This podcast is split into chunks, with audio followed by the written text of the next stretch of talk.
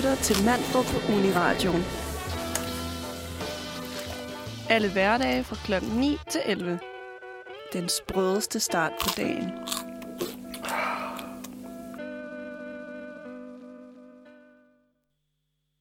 Godmorgen. Det virker til, at det virker dejligt. Yes, og nu har vi noget underlægning med. Skønt.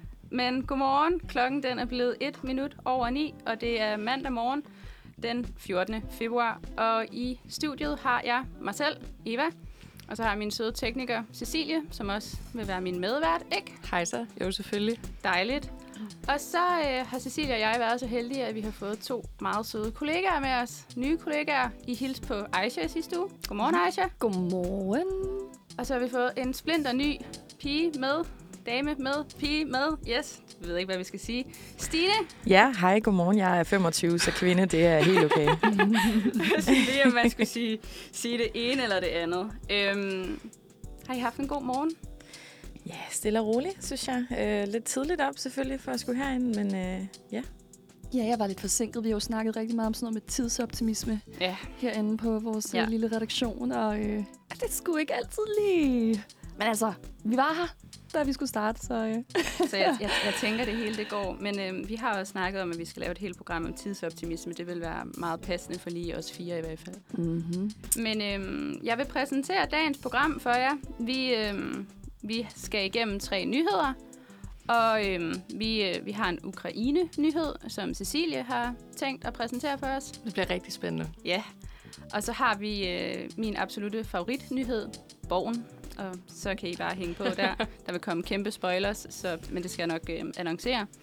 Og så, øh, så skal vi også lige runde en, ja, en totalt forfærdelig nyhed, men vi var også sådan lidt, vi kan ikke rigtig komme udenom det, når det er den her tid, vi er i, og alt det, der er sket. Så vi vil også runde Mia-sagen, selvom at vi er meget forarvet og kede af det over det, så vi vil prøve at behandle det på en pæn måde. Øhm, men, som jeg startede ud med at sige, så er det 14. februar. Øhm, og mange vil jo nok bare tænke, det er Super Bowl. Ja, ja, det er der mange, Det der gør. skete i hvert fald i nat. Ja, Det er ikke så meget os, der tænker det. Men nej, der, men der er nogen, der tænker det, og det er helt okay. Det bliver bare ikke lige her. det var også bare, fordi jeg synes, det var sjovt lige at starte den ud med, jamen, der har været Super Der har jo Bowl. været noget, det, ja. Det er rigtigt. Øhm, men vi synes, det er selvfølgelig, fordi vi er foran, det er Valentinsdag, jeg snakker om. Så det, øhm, der har vi tænkt, at det skal krydre hele vores program. Og både Aisha og Stine, de har taget en hel masse øh, Valentine specials med. Yes, yes. Det har vi. Kan I Det tease lidt for det? Jamen, øh, jamen, jeg synes jo egentlig, at øh, nogle gange kan man godt være lidt i tvivl om, hvad der ligger bag øh, Valentine's Day, udover den her meget sådan, kommercielle side af det hele.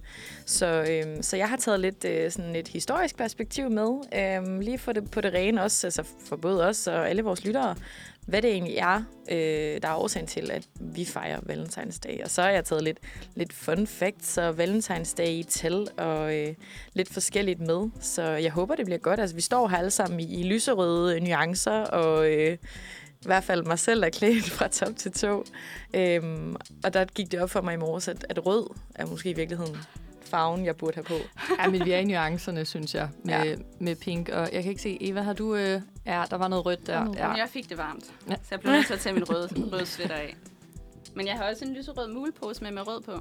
Simpelthen. Så der er sådan lidt valentines-stemning inde i studiet. Ja. Hvis man bare kører det op på farver i hvert fald. Ja, altså hvis vi havde et webcam, ligesom der er inde i uh, P3-studierne og sådan nogle steder, så kunne man se live med, at vi, vi, har, vi har farverne. Vi, vi er i stemningen. Det kan være, der kommer et billede på senere, så man lige kan få visual proof. Lige præcis, lige præcis.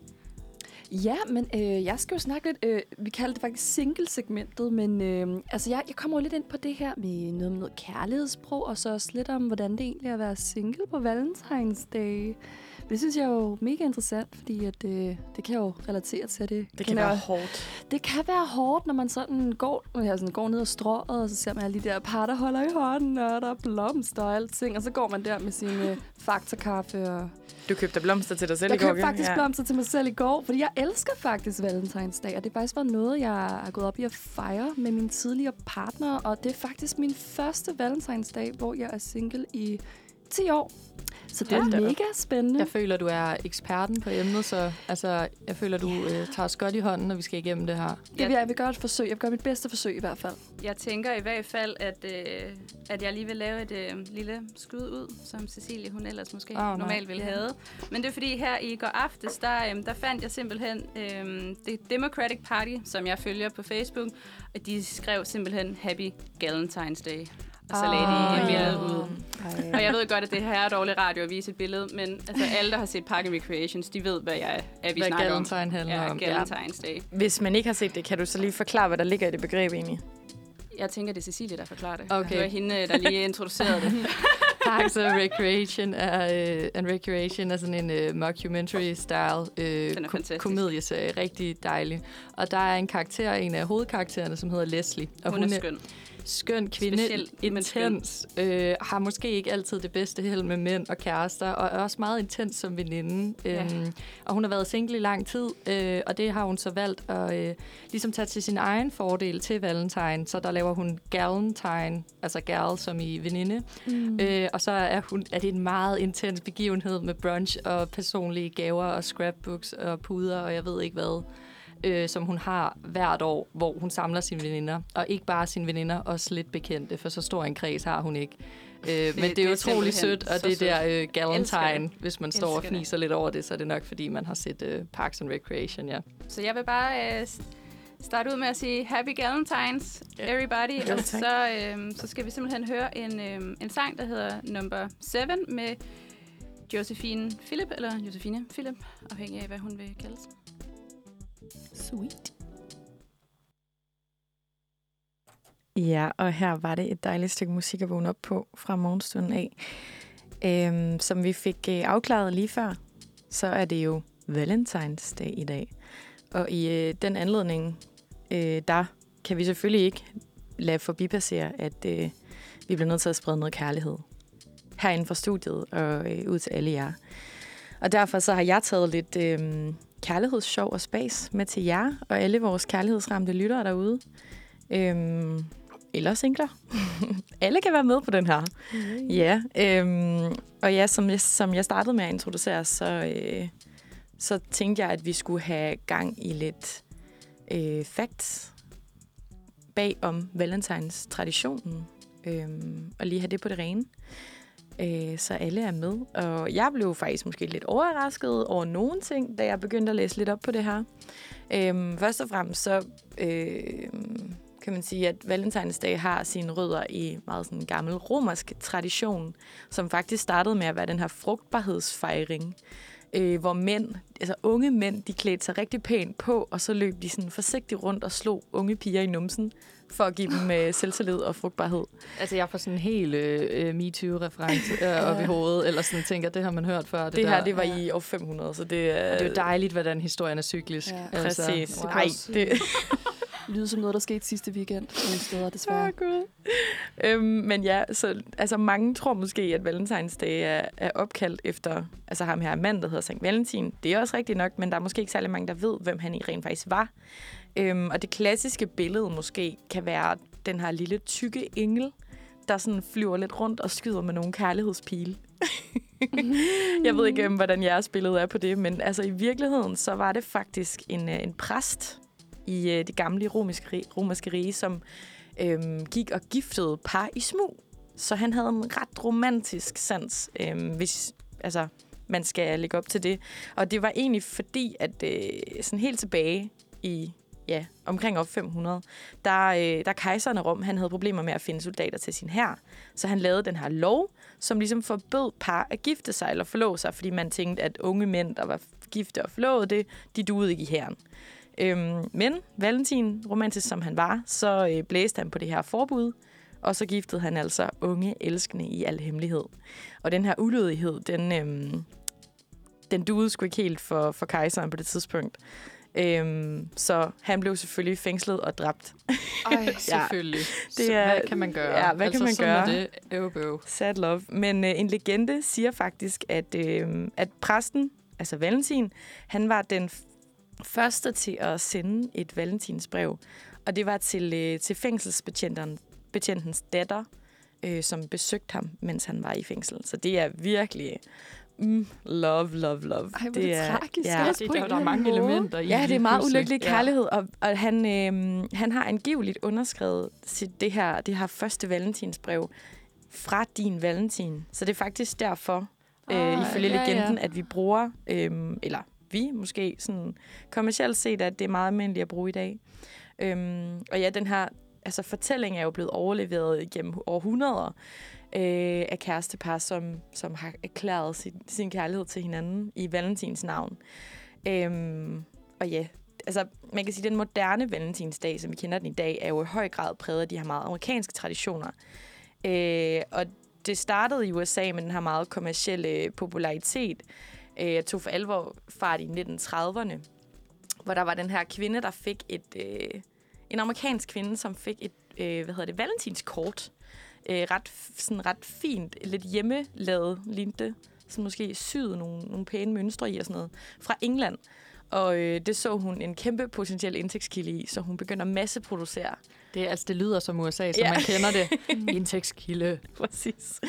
Øhm, og, øh, og ja, altså dagen i altså 1930'erne begyndte så faktisk at kæmpe sig op i popularitet, og øh, ud over jul, så øh, var det den jamen, anden største øh, anledning til shopping. Øh, og først i 1990'erne, så kom kærlighedens dag faktisk til Danmark. Det er faktisk ret sent, egentlig. Det er lidt sent, ja, men, Men det, det, det er jo også en amerikansk ting, mm. og det Mhm. er ikke så stort. Sådan, altså, der, hvor jeg øh, personligt har været på Valentinsdag, hvor det var størst, det var i, øh, det var i Hongkong.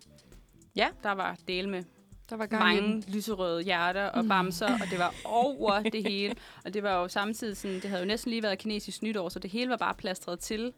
ja. Med, med både det kinesiske nytår, jeg kan ikke lige huske, hvad det var den dag, dengang, øhm, og samtidig bare øh, røde hjerter over det hele. Altså, det var helt Men vildt. det er sjovt, du siger det med, med Hongkong, fordi at, øh, det var også noget af det, jeg var lidt overrasket over, at, øh, at man i øh, Japan har faktisk tradition for, at det er kvinderne, der giver mændene blomster.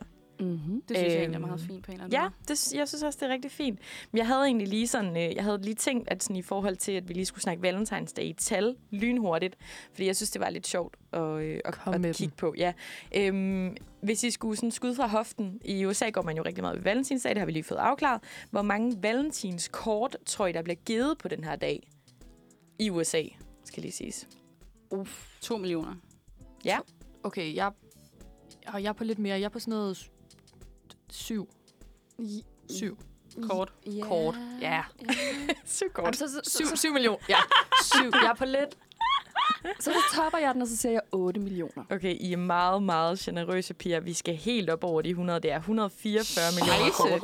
Der, Jeg, jeg øh, tænker også lige givet. pludselig, at jeg måske lige skulle tage højde for, hvor mange der Ja, ja, ja, ja, bor det. i på kontinentet. Og jeg bare så siger sådan, ja, men cirka Ja. lidt flere end Dan- Danmark. Ja, Det er okay. danske kontekster. Og det er jo også, fordi man skal tænke på, at de har også tradition for at give det i, helt ned i kindergarten. Altså, Mm. det er jo helt vanvittigt. Ja, det er vores fejl der. Det er vores Ja. fejl. Ah, men, ja, men ja, altså, og bonus er jo, øh, America. man skriver det her sådan XOXO. Det ved jeg ikke, om I kender. XOXO. Hvad er det, vi kender? Ved I, hvad det betyder? Hugs and kisses. Ja, hugs and Hugs and kisses. kisses. Ja, præcis. Det er lige præcis rigtigt. Nu sagde du også, at man gav kortene helt ned i, øh, i kindergarten. Øh, hvad, altså apropos det, hvad tror I er den profession, der modtager aller, altså for allerflest Læger. valentinskort? Læger. Ja. Ikke læger. Læger. Læger. Nå, jeg kunne godt forestille mig læger eller sådan noget. Det ved jeg ikke, Nej, en underviser. Det, det er dem, der modtager Ja, flest. læger. Så læger, så sådan, Nej, ja, nej, nej, er læger. Læger. Ja. Lærer. Læger. Ja, Ja. det kan godt være. Nå, men øh, vi er altså godt gang i den her quiz, og jeg tænker egentlig, vi, øh, vi smutter videre øh, lige efter et stykke musik. Og, øh, og her der, øh, der er der altså skruet op for de øh, humoristiske one-liners øh, i en sang, der handler om, hvorfor datinglivet måske ikke altid lige er en dans på roser. Og her får I altså øh, Cindy Chiche med Download and Delete.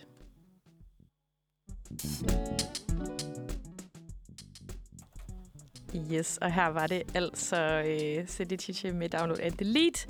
Nu har vi øh, startet lidt på øh, vores Valentines quiz for at komme lidt i stemning her.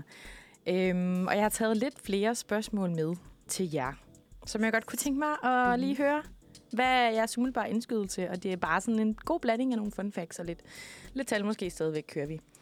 Øhm, og jeg tænker bare, at I får lov til at svare en af gangen. Øhm, I Zoologisk Have i England, der kan man navngive et dyr efter sin ekskæreste.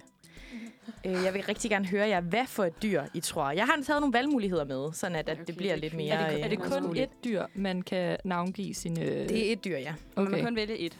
Ja, man må godt vælge et. Okay. Øh, er det A, en panda? Ej, Er det B, en kakelak? Eller er det C, et desmerdyr? Hmm, Det er en kakelak. Jamen. Jeg tænkte også kakkelak. den ligger op til det i hvert fald, ikke? Altså. Jo, altså det er en kakelak. Det må det være. I er, I er meget enige på kakelak alle sammen? Ja. Ja. Ja, det kunne nok godt være. Jamen, øhm, Ja, det tror jeg skulle lige der. I har fuld, fuldstændig ret. Jeg synes, øh, det, det er sgu godt øh, fanget. Altså, det er, det er egentlig en kakelak. Man kan kalde det samme ens... Øh, man kan kalde samme navn som ens dumme ekskæreste. Og prisen, den er 13 kroner, og den her kakelak, den bliver fodret til nogle af de sultne dyr bagefter. Det er jo et scoop. Ej, hvorfor har Det er da et kæmpe Danmark? scoop. Det skulle vi da have. Zoologisk have, hvis de lige lytter med, så skulle de overveje en indtægts, eller indtægtskilde der. 13 kroner. Præcis. Men jeg tænkte også lige, hvis det skulle være sådan jeg tror, det ville meget brugt. Det er også begrænset, hvor mange desmerdyr man har i en zoologisk have, så Jeg kakelakker tænker, hvad skal der også lidt- ske med dem? nemmere. Altså, man kan sige, det er fair nok. Kakelakkerne er vel føde til andre. Ja, det ville være lidt Ja. mærkeligt, hvis man bare... Ja, ja. Det vil være rigtig mange. Altså på på antallet af ekskærester her i verden.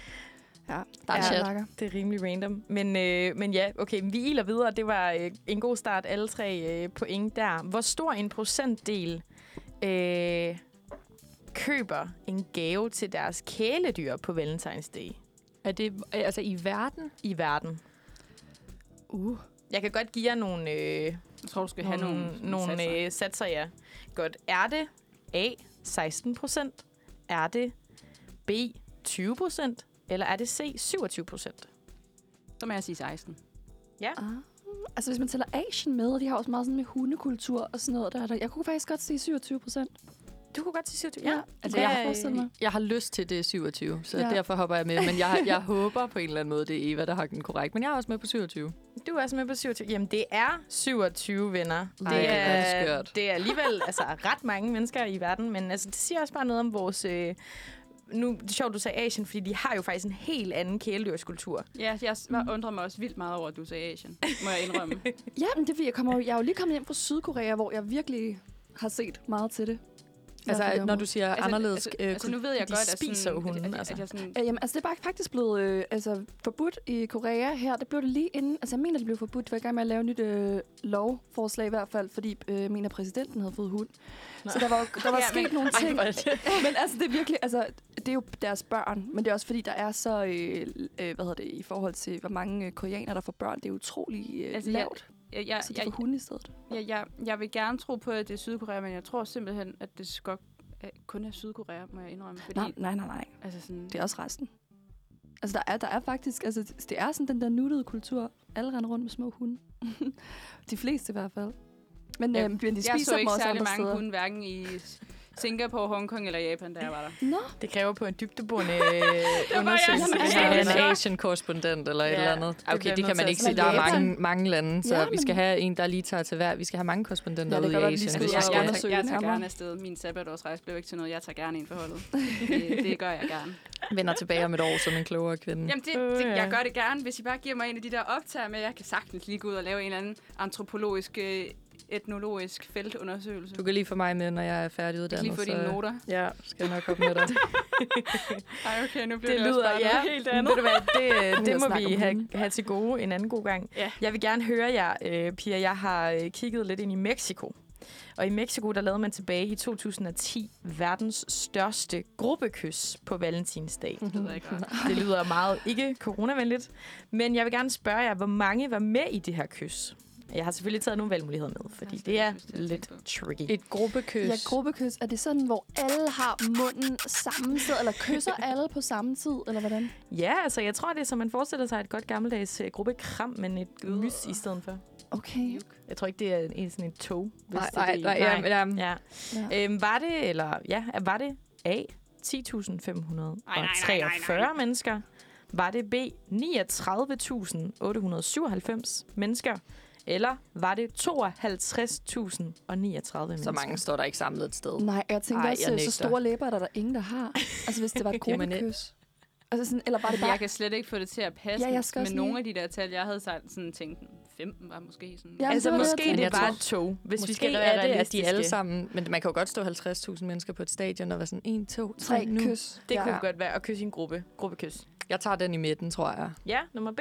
Ja, nummer Lige B. knap, øh, nummer B, lige knap 40.000. Ja. Jeg tager A. Eva tager A, lige knap Jamen. 10.000. Så tager jeg C. Sådan. Du sådan. Så har vi en på hver. Jamen, det gør det også lidt mere spændende, piger.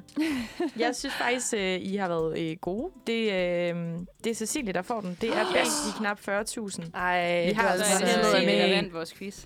Ja, det er... Hvor er jeg glad. Hvor er jeg glad. Jeg, øh, jeg tror, vi lukker den her og ser Cecilie. Hun er vinderen af den her lille... Det er ærgerligt, at jeg ikke har fået nogle lydeffekter med endnu. Når jeg bliver bedre til teknik, så kan I bare... Ja, ej, tak. Så kan I bare glæde jer til, at der kommer noget ind over. Præcis. Ja, men, øh, men ja, det var den lille quiz, jeg valgte at, at tage med til jer. Og, øh, og for lige at, varme lidt videre fra den, så skal vi høre en, øh, en rørende og mørk single fra en øh, elektronisk elskende sangskriver. Der er altså tale om øh, Magnus Tempels her med A Picture. Godmorgen. Vi øh, har lige haft lidt tek- tekniske vanskeligheder her i studiet. Det er derfor, at øh, klokken er blevet øh, 09.28, før det her det er kommet ud i, øh, i radioen live. Det beklager vi rigtig, rigtig mange gange. Øhm, vi har ikke lige helt, helt styr på teknikken endnu, nogen af os. Øhm, åbenbart. Sådan er det, men vi har talt om Valentines rigtig længe. Det håber jeg, I vil høre ind i vores podcast. Den halve time, I lige er gået glip af. Og bare f- flux over til Aishas segment nu. Yes, jamen nu har vi jo lige øh, fået lidt at høre om, øh, eller lidt at vide omkring, hvordan Valentinsdag foregår rundt omkring i verden via Stines rigtig fine quiz. Øhm, og så kommer jeg til at tænke på, Pia, hvad, hvad, hvad går man egentlig op i altså på Valentinsdag i Danmark? Fordi det er jo ikke helt lige så stort. Øh, har I nogen sådan erfaringer, eller er der noget specielt, I har lavet på Valentinsdag med jeres kærester, kæreste, ekskærester? Mm, jeg tror måske... Altså, jeg havde, øh, jeg havde en, en kæreste engang i, hvad var det, 9. til lidt ind i gymnasiet. Og der, det var et langt øh, forhold. Og jeg tror bare, at jeg tænker lidt, når jeg tænker tilbage, at, øh, at det er sådan, hvis man har været i et forhold længe, er det noget, man måske... Fej- Men jeg var også ung. Jeg tror ikke, jeg vil gøre det i dag. Øh, og jeg, jeg, mine forældre gør det heller ikke. Og jeg tror ikke rigtigt, jeg har så mange omkring mig, der gør noget ud af det. Men jeg kan huske, da jeg var yngre der, der var det altså sådan noget, altså 9. klasse, 10. 1. G-agtigt. Der føler jeg, at det havde lidt større slagkraft, men det, øh, det siger mig desværre ingenting i dag. Okay. Og hvad med jer andre? Det er, er det et lidt øh, fremmed fænomen? Lidt måske, altså jeg tror, at man kan måske... Jeg, jeg skal lade mig at sige mand, jeg øhm, har sådan en måske lidt romantiseret idé om at øh, forvente noget. Mm. Øhm, men, men jeg har aldrig måske sådan tænkt i at gøre en gestus for nogle andre. Så jeg ved ikke, hvor balanceret den i ønsketænkning lige er. Mm. Øhm, jeg synes, det, det er hyggeligt at måske tage ud og spise og ligesom gøre noget ud af det. Altså, jeg synes, det er lidt træls, det falder på en mandag i år. Mm. Men, øhm, men ja, jeg har, ikke, øh, jeg har ikke den store erfaring faktisk, hverken med at, at modtage eller give øh, kærlighedsgestusser på valentinsdag. Øh, aldrig, tror jeg ikke, Mm. hvad jeg lige husker. Jeg synes, det er sjovt, du siger det der med forventninger, for jeg kunne godt forestille mig, at når det nu er en dag, der er så omtalt, som den nu er, at er der en forventning om, at der skal ske et eller andet? Nej. Øhm, det, er, det er der måske ikke. Nej, men jeg kender, det er mest fordi, jeg kender nogle veninder, og jeg har kendt folk gennem tiden, hvor at man på en eller anden måde underbevidst forventer en buket blomster af sin kæreste, eller man forventer lige en lille note eller nogle ting. Fordi prøv at tænke at være i et forhold, og så sker der bare ingenting. Men det har jeg prøvet. Og det er der, og det er der jo. At der ikke sker noget, eller har fået noget. At der ikke, altså, der er ikke sket noget. ja, okay. Det er Nå. bare en helt almindelig dag. Ja. Men altså, jeg kan heller ikke tåle blomster, så det kan være, at jeg sådan Det kan bare også sådan godt har været være. sådan lidt, Mm. det er Der kan man meget. sige, det kan være, at det spiller en rolle, ja. det Ja, er jo, altså ikke lige sådan Ja. har tænkt over det. man kan jo sige, altså i forhold til Og det der er med, at der ikke ikke... øh, chokolade. Jeg kan ikke tåle ting, så det er sådan, jeg ved ikke. Ja. Altså i forhold kram. til det her med, at der Ja. ikke sker noget, så er der også nogle af os, der er single på valentinsdag. Og jeg er jo sådan en, jeg elsker jo at fejre øh, sådan nogle her dage. Det har altid faktisk været min yndlingsdag. Og det er fordi, jeg elsker kærlighed. Men kærlighed kan jo også øh, fejres på mange forskellige måder. Det kan også være med venskaber. Mm. Og det behøver ikke altid være forhold. Øhm, og som sagt, eller jeg nævnte lidt tidligere, så er det faktisk min første valentinsdag, hvor jeg er single. Jeg har tilfældigvis altid lige haft øh, partner på. Den her dag. Så jeg købte blomster til mig selv i går, og jeg har rød læbestift på i dag, og smiler til alle på min vej. Og hvis jeg ser et uh, nuttet, cute par, så er jeg bare sådan, ej, hvor godt for jer. så, Du er øh, meget storsindet, synes jeg. Der tror jeg lidt mere, at jeg trækker øh, mulefjæset, skulle jeg sige. Åh, her.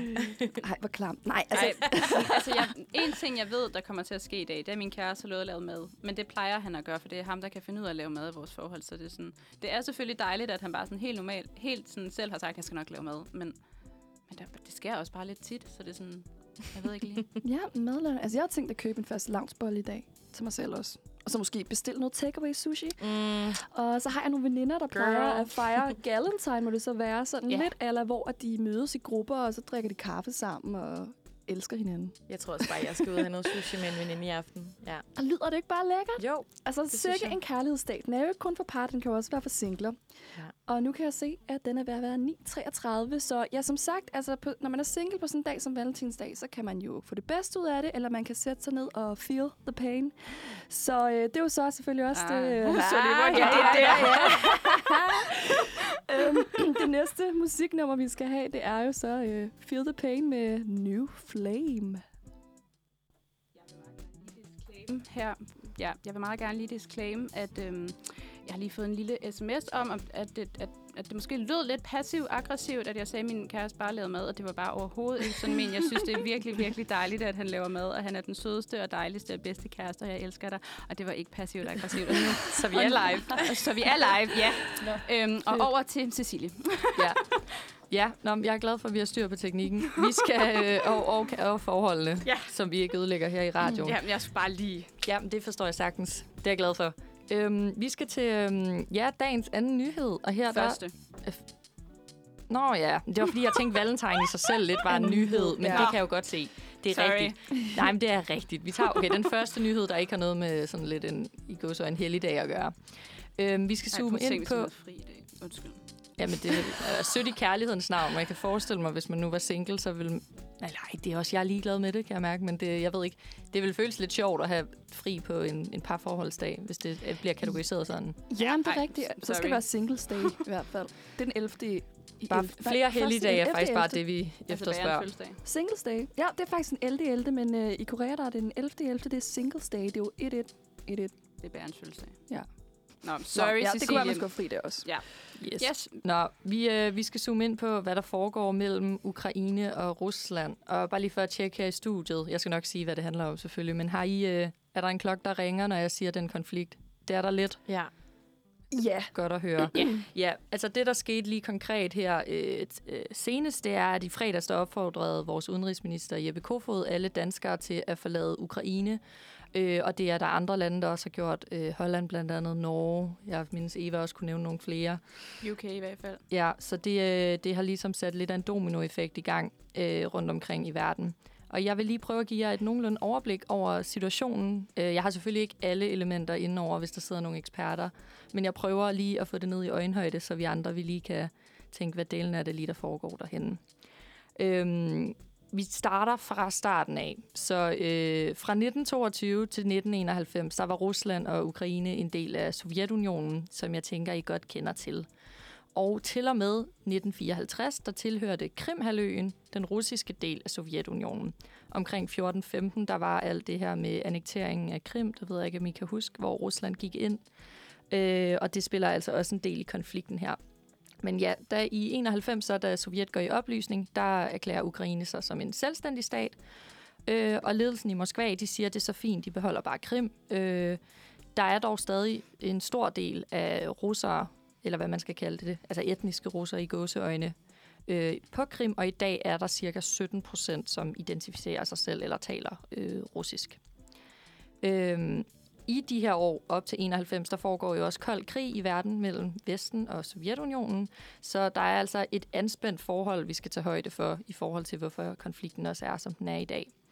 NATO bliver jo oprettet efter den kolde krig, og de har ligesom øh, udvidet sig siden. Så det, man skal tage med fra det her, det er, at der har været lidt mellem øh, Rusland og Ukraine internt, fordi Krimhaløen, og der har været lidt mellem Vesten og Sovjetunionen på grund af kold krig. Og nu så mellem Vesten, som også, øh, der indgår NATO også, og så mellem Rusland nu.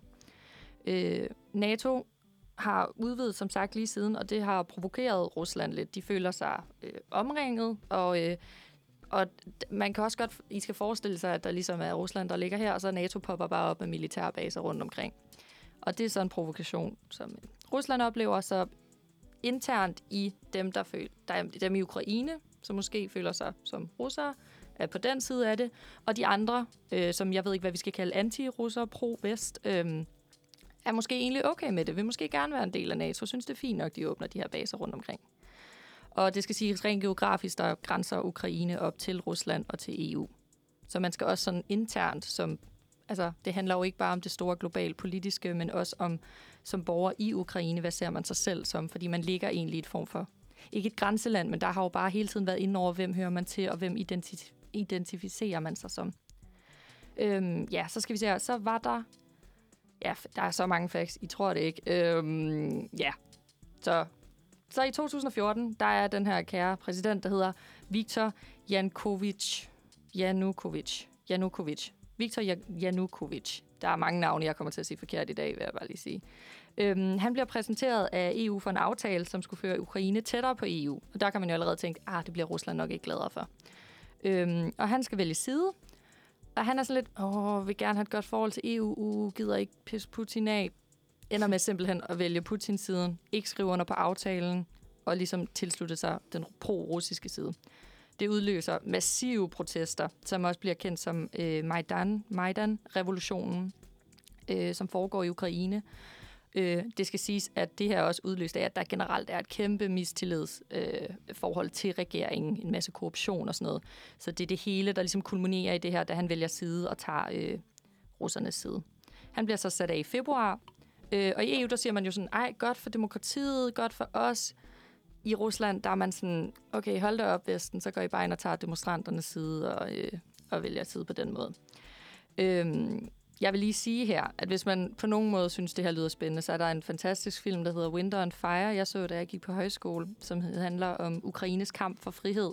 Disclaimer, den er amerikansk produceret, Netflix produceret, pro. Det siger øh, alt. Ja, mm. så øh, husk lige at have det i mente, hvis I ser den, men det er en flot måde at ligesom display, hvordan, øh, ja, hvordan et land kan gå i revolution sådan øh, en dag, som, eller i vores tid, og hvordan det ser ud.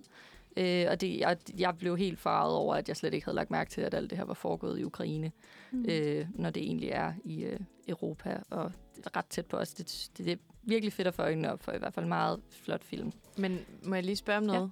Ja. Det, var det rigtigt forstået, at grunden til, at alle danskere blev øh, opfordret til at gå ud nu her? Ja. Øh, fordi at, at krigen, det der kan blive en krig, tiltager altså frygten for det. Er det derfor? Ja, altså nu kan vi så sige, hvis vi tager vid, ja, som sagt, så sker lige efter det her med præsidenten, der bliver sat af, så annekterer Rusland øh, Krimhaløen. Øh, der bliver underskrevet nogle fredsaftaler, de bliver overtrådt alle sammen. Og nu er vi så her i dag. Konflikten er syv år lang. Øh, og nu har, Ukra- nej, nu har Rusland netop sat øh, 80.000 soldater ind på Krim. Samtidig har de også en militær øvelse kørende i Hvide Rusland, som slutter den 20. Som er en dato, man skal holde øje med, for så skal der jo egentlig trækkes nogle soldater tilbage, for så slutter det er jo ikke en, øh, nej, nu skal jeg også lige passe på, at jeg skal lige være objektiv her. Så slutter deres øvelse jo, som er deres begrundelse i, hvorfor de har de her soldater til stede, så de skulle mm. meget gerne trækkes tilbage. Hvis de ikke bliver det, så kunne man jo netop frygte, at det øh, trækker op til at ligne noget, der ligner invasion. Øhm, så man går lidt på tiptoe lige nu. Der har været en, øh, nogle forhandlinger, hvor Rusland er kommet med nogle krav, NATO er kommet med nogle krav. Det er blevet sagt nej. Altså, der er ikke nogen, der går hinanden i møde der. Øh, så det hjælper jo ikke så meget. Så er der desuden... Øhm, skal vi se, hvad der sker her. Jo, der er, det skal også lige siges, der er cirka 20.000, der har mistet livet til konflikten siden 14. Det synes jeg bare var et ret vildt tal, øh, taget betragtning af. Der er mange, der slet ikke ved, det foregår. Og lige her i år er der 20 dræbte på hver side af konflikten. Øhm, ja. Derudover så har Ukraine nu også øh, deres præsident, nye hedder Volodymyr Zelensky, og han har været rimelig sådan i midten kompromissøgende, og det tegner jo godt, når det er det land, der foregår konflikt i, kan man sige. Men nu er han blevet lidt mere konfrontatorisk. Han har øh, fjernet tre pro-russiske medier. Han har ryddet op, gåseøjne i debatten, fjernet nogle store stemmer. Og så at det også har ramt Putins kammerat, Viktor Med Medvedchuk. Han er politiker. Han ejer også, eller var øh, bestyrede eller styrede de her medier. Så det var ligesom lidt en provokation mm. til Putin. Mm. Mange mener, at det måske... Altså, der er selvfølgelig selve konflikten. Nogle mener også, at Rusland gør det her for at se, om Biden han spiller med musklerne, hvad han kan. De håndterede det i manges øjne. Øh, ja, det var relativt, hvordan de håndterede det dengang med Krim. Øh, og det her mener folk så ligesom er en øh, måde for at se på sådan, okay, hvad gør de nu? Så jeg kan godt se, at der er meget. Der er kold krig, der er Krimhaløen, der er det identitetspolitiske, øh, altså sådan egen identitet for ukrainerne selv. Der er det, om Rusland mener, de skal eje noget. Der er sikkert også noget i forhold til økonomi og handel, jeg slet ikke er inde på. Og så er der det kæmpe magtforhold mellem øh, USA og Rusland, som bare går ud over Ukraine. Øhm, Jeg Så- synes virkelig, det er Ja, ja, identitetspolitisk virkelig mange ting. er mega spændende. Så øhm, jeg håber, at I tænkte, wow, mange facts, virkelig øh, meget op at vende her. Øh, men jeg håber, I har fået lidt bedre forståelse for, øh, hvad der ligesom foregik, ja. Og vi skal til at høre noget øh, musik her, og det er øh, sangen øh, En mand, som er lavet af Jomfru.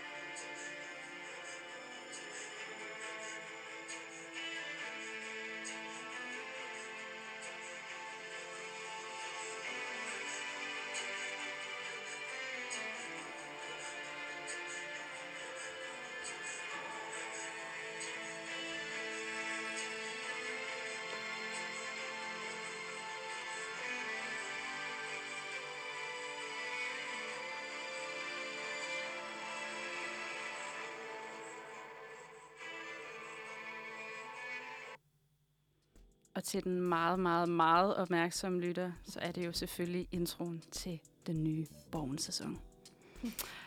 Selvfølgelig.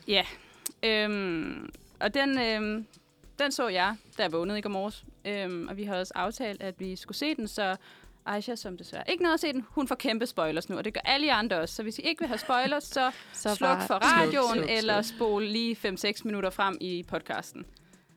Smukt. Og nu, Yes. nu, nu siger jeg det bare en gang til. Alle jer, der ikke har set den nye sæson 4, afsnit 1 af Borgen, der udkom i går, gå væk, hvis Ja. I ikke vil høre det. Fordi det, øh, det går jeg i gang med nu. Og øhm, jeg kommer simpelthen bare til at læse op fra mine noter fra telefonen, og hvis det lyder meget forvirrende, så sig det, for så prøver jeg at gøre det på en anden måde. Gotcha. Øhm, Borgen, den starter. Øh, en medias race, simpelthen. Vi møder Birgitte Nyborg, og hun øh, er på vej afsted og skal til at offentliggøre det nye samarbejde med Kina. Det er meget øh, like-like, det der skete i Danmark. Pandaen. Det er simpelthen det, det starter med, og hun er meget forvirret over, hvorfor der ikke er nogen til hendes pressemøde, fordi det var jo big news, at vi har et panda-samarbejde med Kina. Hun finder så ud af, at det er, fordi den nye statsminister, Signe Krav, hun har lagt sit eget pressemøde oveni, og det har hun lige glemt at, at informere om, eller som sagt, som Signe så siger i en sms, ej, det havde vi jo skrevet. Løløle. Øhm, mm-hmm. Og øhm, endnu mere en medias ways, så, øhm, så starter jo faktisk op på Grønland, så det, jeg har lavet det lidt omvendt. Øhm, men de har simpelthen fundet olie på Grønland. Og det, det kommer jo til at blive et meget stort problem, kan vi allerede godt mærke nu. Og øh, Adam Prise, som jeg husker, at det er ham, der har lavet den her, han, øh, han har også været ude at sige, at han faktisk synes, det var herre spændende at lave noget, fordi han fandt ud af, at hvis det var en virkelig situation, så var der heller ikke styr på, hvad der skulle ske. Så det er jo øh, meget like-like. Øhm, og den her oliekrise, den mener Birgitte Nyborg jo, at det er hendes, fordi hun er udenrigsminister. Så det må ligge der. Og sine krav mener, at det ligger i statsministeriet, fordi det er jo rigsfællesskabet. Og så er der en hel masse mere om det det arktiske fællesskab, whatever. Men Birgitte Nyborg ender jo selvfølgelig med at få sin vilje på godt og ondt. Og det, når jeg siger på godt og ondt, så kommer det senere, hvorfor det er på godt og ondt. Øhm, hvis man sådan lige bare tager, tager personerne med, så har vi jo Birgitte Nyborg. Hun er alene. Hendes mand skal til at have en baby med sin nye kone.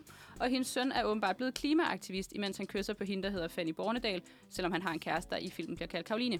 Jeg ved ikke, hvad Fanny hedder i filmen endnu, der har vi ikke fået at vide, eller i serien. Øhm, Birgitte Nyborg, hun har sagt, at det er hendes time of the life, time of my life.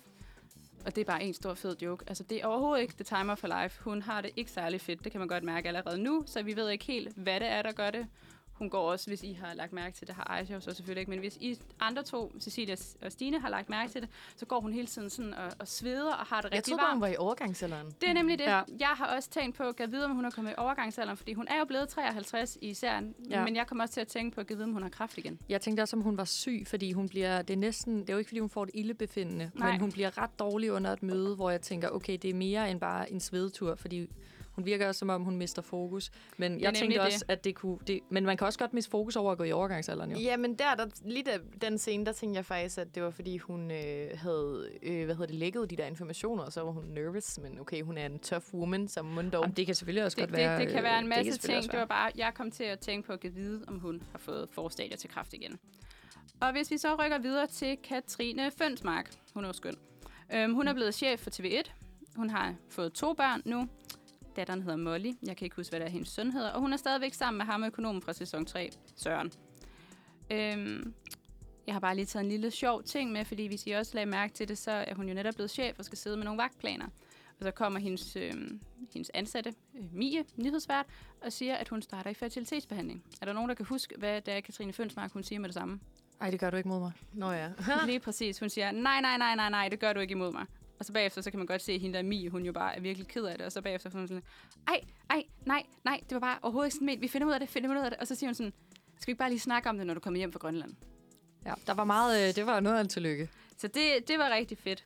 Øhm, og så er der jo Michael Lauke. Øhm, og Han er, jo lige inde og... Han er lige inde, Lige lige, lige inde og og vink. Øhm, og jeg elsker den måde, vi ligesom starter med at se ham på, fordi han er jo blevet politisk kommentator øh, inden ved det der chefredaktørerne. Øhm, og han starter jo simpelthen med at skulle fortælle, hvad han synes om den nye regering, hvor at det igen er meget like-like, det der har været inde i Folketinget. Fordi altså, han siger, at det ligner lidt en Hollywood-film. Lortet virker, og så siger han jo også, de har endda en minister i kørestol. What is not to like? Det synes jeg bare var lidt sjovt. øhm, men han, øh, han er jo som sagt tidligere politiker, og hende der sine krav er han åbenbart personlige venner med, så hun vil gerne have ham ind i en meget vigtig stilling. Det, der er også et eller andet, der ringer en klokke der. Er, smule. øhm, og det er jo så det, Birgitte Nyborg lægger til pressen, og derfor kommer han ikke ind, fordi han er blevet anklaget for at krænke privatslivets fred eller noget i den stil. Så derfor bliver hendes støttepartier sure, og en hel masse flubbeludup. Og jeg kan godt høre, at når jeg siger alt det her, så giver det ingen mening, hvis man ikke har set det. Nej. Man kan sige, spoilers, det lige ved det ikke rigtig gøre noget. Nej, De fordi jeg tror ikke helt, man vil fatte det. Men det er, en, det er en anden snak. Jeg synes bare, det var sådan lidt, lidt sjovt. Og hans dejlige citat her. Fandme første gang, jeg er blevet fyret, før jeg er blevet ansat. Ja, det er sjovt. var også ærgerligt. Og så har vi Asger Holm Kirkegård, der bliver spikkel, spikkel, spillet af Mikkel Bo Følsgaard. Ej, Det er ham fra Arvingerne. Han er skøn. Han er Det er ham god. fra En Kongelig Affære. Ja, Men han er nok mest ham. kendt for Kastanjemanden nu. Ja, Og han er dejlig. ja. Han er så skøn, og han spiller så godt. Jamen, han er så... Altså, jeg ved ikke, men den karakter er bare så Han sød. er så sød, den karakter. og akavet og fjollet, men en meget dygt, dygtig mand. Men Ja. flyskræk, jeg er også jeg er utrolig bange for... Jeg har utrolig meget transportsyge. Jeg har det værst med færger, men da han siger det Ja. der, Uh, det kan jeg heller ikke. hvor jeg bare tænker, det bliver mig en dag... Ja, det bliver ikke mig en dag, det der. Men det bliver mig en dag, hvor jeg får et arbejde, og så får jeg at vide, vi skal bede dig tage til færøerne. Og så står jeg der og tænker, Åh, nej, nej, Ja. nej, nej, nej, nej. Ja. Men han er, så, ja, han er en virkelig skøn karakter. Jeg, jeg prøver lige at speede det up to date, fordi vi skal selvfølgelig have nogen op til Grønland. Vi skal simpelthen have, have fundet ud af, hvad delen der sker med det her olie. Og ham, den grønlandske, jeg ved egentlig ikke, om det er en borgmester eller præsident, eller hvad det egentlig er, de har i Grønland. Men ham, som hele tiden ringer og lægger på på Birgitte Nyborg, ja. ham skal de simpelthen op og finde ud af, hvad delen er der op og ned på det her. Og i forhold til det, Cecilie lige sagde, så er den jo totalt virkelighedslike. Fordi Rusland har angrebet Ukraine. Og det havde de jo også i 2014, og det er efter den sidste Borgen-sæson, var der i 2013. Så jeg ved godt, at det, sådan, det har nok ikke været tænkt, men lige når vi er i den her situation, som vi er i, så virker det bare mega uhyggeligt, at Rusland ligesom har internationale sanktioner. Det har de også nu, men alligevel, altså jeg synes, jeg synes virkelig, det var scary. Og så er der sådan et citat her, som jeg lige skal finde. Jeg ved godt, jeg har skrevet en masse... Man skulle tro, de havde læst manus til bogen og bare kørt Ja, den. altså sådan virkelig. Men det sjove er, at... Øhm, hvad hedder det, ham der, Asger Holm, som jo bliver forfremmet og bliver ambassadør eller et eller andet, i hvert fald en, der skal op til Grønland og, og, og gøre et eller andet. Det sidste, vi hører ham sige, det er, at øhm, til Birgitte Nyborg, vi har simpelthen vundet en sag, hvor vi står i lort til halsen. Nå, vi er på ja. vej i seng med djævlen. Og det er simpelthen fordi, at det olieselskab, som gerne vil have olien op på Grønland, det er kanadisk, men det har ligesom partneret op med præsidentens absolute inderkreds, altså Putins absolute inderkreds, personlige ven, Russia. Og det hele er bare noget crap. Og jeg ved godt, at det her det kommer nok til at lyde totalt åndssvagt, fordi jeg, kan bare, jeg har bare... Men, men, men kan det sige, var mit altså- Borgen News. Det er skide godt, og når man, når man har set det, og man lige har set det i går, så, så øh, giver det utrolig ja. meget mening. Og jeg synes, det var virkelig... Du fik også... Jeg vil bare lige sige i forhold til det musik, du spillede i starten. Øh, man kan Det var høre... for at sætte stemningen. Det var først, ja, og skide godt, men det er også, øh, der er en masse øh, med is ind over i Ja, grafikken. det er nemlig det. Og så, øh, altså for øh, øh, hensyn til Grønland, men der er også det her, jeg ved ikke, hvad det hedder på originalsprog, men throat singing indover, Mhm. som Ja. er Nå, også hvad- en ja. Ja, inuit-tradition. lidt ligesom for Frozen også. Ja, og meget, meget smuk. Også, og du sagde bare, at det sætter virkelig stemning for, hvor dystert, mm. Mm. og også det der virkelighedstro, Og det er sådan, nu, nu ved jeg godt, at vi igen er, ikke kan finde ud af at holde tid med vores segmenter. Men også noget af det, jeg lagde virkelig godt mærke til, og det ved jeg ikke, om I gjorde, det var, at der når isen knækker, så er der sådan, de, de kigger meget ned, og lige pludselig, så kigger hun bare ind i skærmen sådan her, og du er bare meget intens blik. Altså Birgitte Nyborg, der i introen. Og det er bare Ja. sådan der, når du det der, du, du, du, et eller andet. Jeg synes bare, det er sådan meget Altså, intens. det, er drama, når det er bedst. Altså, hvis Mm. du Ej, sukker ja. for sådan noget, så altså, det er skideskønt. Gå ind ja, og se det. Ja, jeg elsker det. Jeg, jeg, jeg, kan- jeg, jeg kan kun forestille mig, at det bliver godt. Og man har jo også set nogle spoilers til traileren om, at det bliver meget likewise. Igen noget, man har set. Altså, sms-referencer kommer Lige der. præcis. Jeg glæder mig og så det, meget til jeg det. glæder mig så meget, fordi man ved jo, at der er noget, hvor de siger, hvorfor fuck har vi sendt det på sms? Vi det skriver aldrig om sms om det. Ej, Og det er også sådan... Altså, det er lidt for virkelighedsnært. det er simpelthen så sjovt, og også fordi jeg, har, jeg sad og tog- screenshots i går, og de, introen starter jo altid med et citat, og så sådan ligesom titlen, ikke? Og det citat, der var i går, det var, mennesket er det eneste dyr, hvis sult vokser i takt med, at det spiser. Ah, ja, den lagde jeg også faktisk mærke til. Ja, og så, og så hedder den her episode jo The Future is Female. Og det refererer jo selvfølgelig til statsminister Signe Kravs hashtag The Future is Female, som hun jo bruger på alle sine sociale medier. Og, og også bare noget af det, hvor at jeg ligesom lagde mærke... Altså sådan, ja, jeg ved godt, det, jeg er rigtig træls, for nu, nu fortsætter jeg selv med det, jeg synes var sådan lidt... Men det er sådan det der politiker-selfies, ikke? Altså sådan, Mm. så giver vi bolden op. Glæder mig til at fortælle, hvordan vi vil gøre det livet lettere for de danske børnefamilier. The Future is Female, DK Pol, hashtag. Ja, der er klokker, der ringer over det hele Og jeg, mit jeg hoved, synes bare, altså. det er så grineren. Og jeg, også bare de der med, at de sidder og, og sms'er, så er det sådan... Så ser, til sine krav. Ser du holder pressen med samtidig med mig. Forstår intet. Har du mulighed for at ringe? Og så næste besked, det er bare...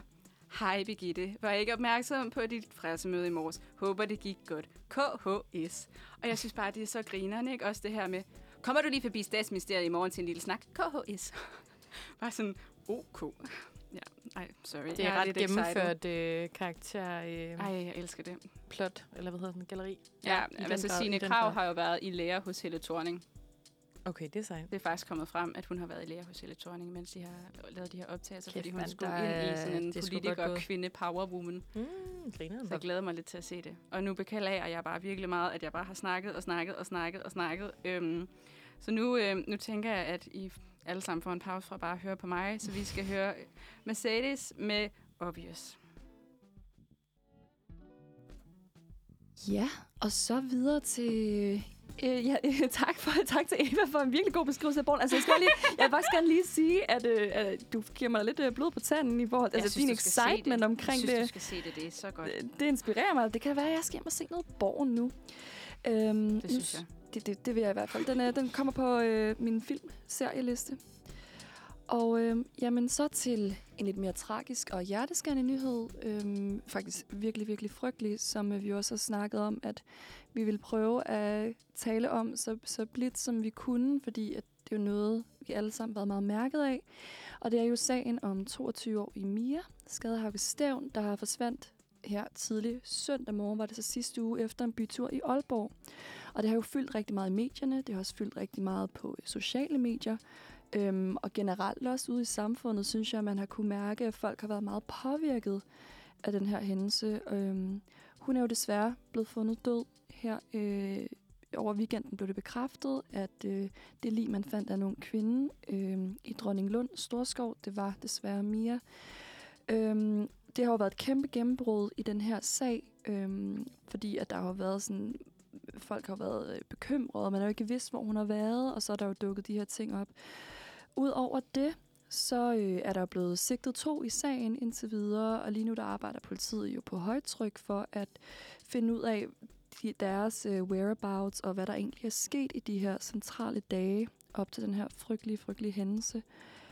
Øhm, mordet på Mia har sat gang i planlægning og afholdelse af flere mindehøjtidligheder øh, øh, rundt omkring i landet. Øhm, og der har været meget opmærksomhed om det her med unge kvinder og deres sikkerhed i nattelivet. Øhm, der var blandt andet en øh, stor fakkelkæde øh, mindehøjtidlighed i Aalborg. Øh, her søndag morgen, der var omkring 100, der deltog. Og udover det, så har der også været i Aarhus og Vejle, hvor folk har mødt op og mindet Mia. Øhm, og også andre. Og faktisk det fakkeltog, der blev afholdt i Vejle, det var øhm, Helle Vestager, Vest, nu skal de sige det rigtige, Helle Vest, ja, Vesterager, øhm, som faktisk øh, var mor øh, til... Øh, hun mistede en datter i Marokko her tilbage i 2019. Så der har været meget sådan medfølelse for rigtig mange, der har været udsat for samme frygtelige hændelse. Udover det, så er der jo blevet sat rigtig meget fokus, øh, som jeg tidligere nævnte, på det her med unge kvinder og natlivet, eller unge mennesker generelt også. Øh, der har været rigtig mange øh, opslag og øh, øh, hvad hedder det, delte kommentarer omkring øh, det her med, hvad, hvordan skal vi klæde os i nattelivet? Hvad kan vi gøre for at undgå, at de her ting sker? Og skal vi overhovedet gøre noget? Er det ikke bare mm. en selvfølge, at vi som øh, unge kvinder eller mænd, eller unge generelt, skal have lov til at føle os sikre i nattelivet? Øhm, der har også været den her, øh, det er jo nærmest blevet lidt en viral bølge i forhold til det her med også kvinders frihed til at til at kunne øh, færdes frit og sikkert, at der er kommet fokus på den her øh, Text me when you're home, hashtag Text me when you're home, øhm, som jo faktisk stammer øh, tilbage til øh, den her sag, der var om øh, Sarah Ever, Everard, jeg er så dårlig, Everard, jeg er så dårlig til navn, det beklager jeg meget, som altså var den her 33-årige øh, marketings executive, som øh, faktisk desværre blev myrdet øh, i London her øh, sidste år i, i marts 2021 øhm, der, var det rigt, der var der rigtig meget fokus på det her Text Me When You're Home, hvilket er en form for sms, som vi jo mange af os kender til, som når man lige har været i byen, eller man lige har været sammen med veninderne eller vennerne, og man altid lige siger, ring lige, skriv lige, når du er hjemme. Og den er jo blevet et kæmpe symbol for den her utryghed, der desværre mm. stadig findes rigtig meget af i øh, vores øh, natteliv og generelt øh, sene aftener i byen, og, og selv i et land som Danmark.